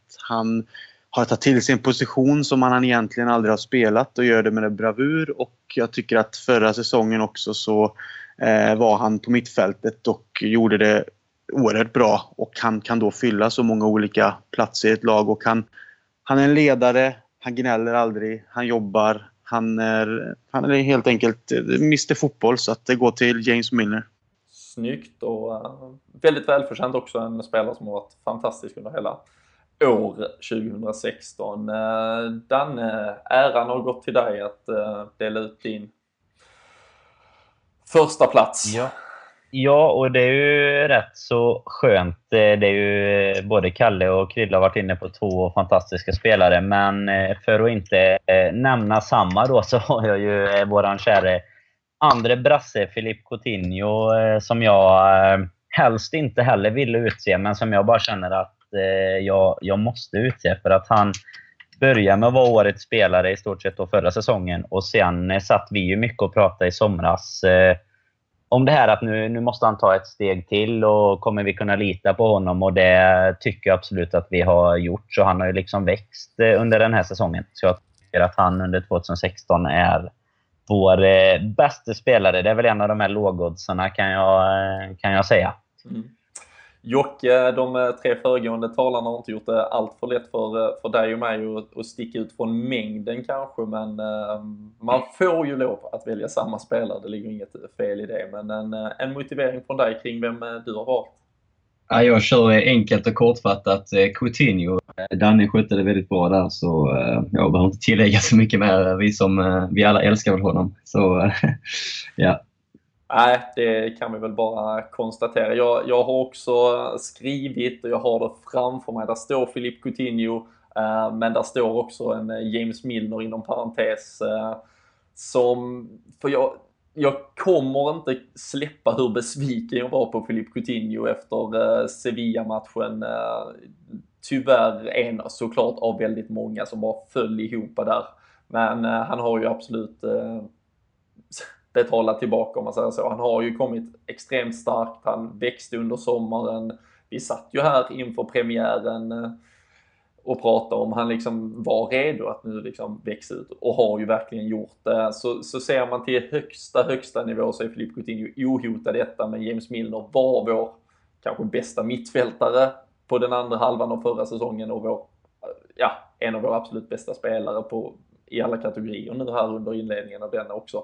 Men eh, Filip Coutinho kröner jag också till Årets konung. Tre röster har han därmed och den demokratiska juryns eh, seger är ju därmed också eh, brassen som eh, för övrigt kan nämnas blev utsedd till just Brasiliens bästa Europabaserade fotbollsspelare och det är ju i eh, konkurrens med exempelvis Neymar så det säger också lite om vilket avtryck han har gjort eh, hemma i Brasilien. Men med de orden, mina vänner, så tror jag faktiskt att vi summerar den troligtvis längsta podden i vår eh, tre och ett halvt åriga historia. Vi eh, närmar oss eh, en timme och 40 minuter. Vi har pratat om så mycket mellan himmel och jord. Men eh, vi eh, tar nu några djupa andetag, gör oss redo för att avsluta året. Det är Manchester City som väntar på nyårsafton och därefter så har vi även Sunderland bara ett par dagar senare och troligtvis blir det väl först efter den matchen som vi återigen hörs. Men eh, till er alla, ha nu ett riktigt, riktigt gott slut på året. Kom gott in i det nya och förhoppningsvis så firar vi in nyår med en seger mot Manchester City.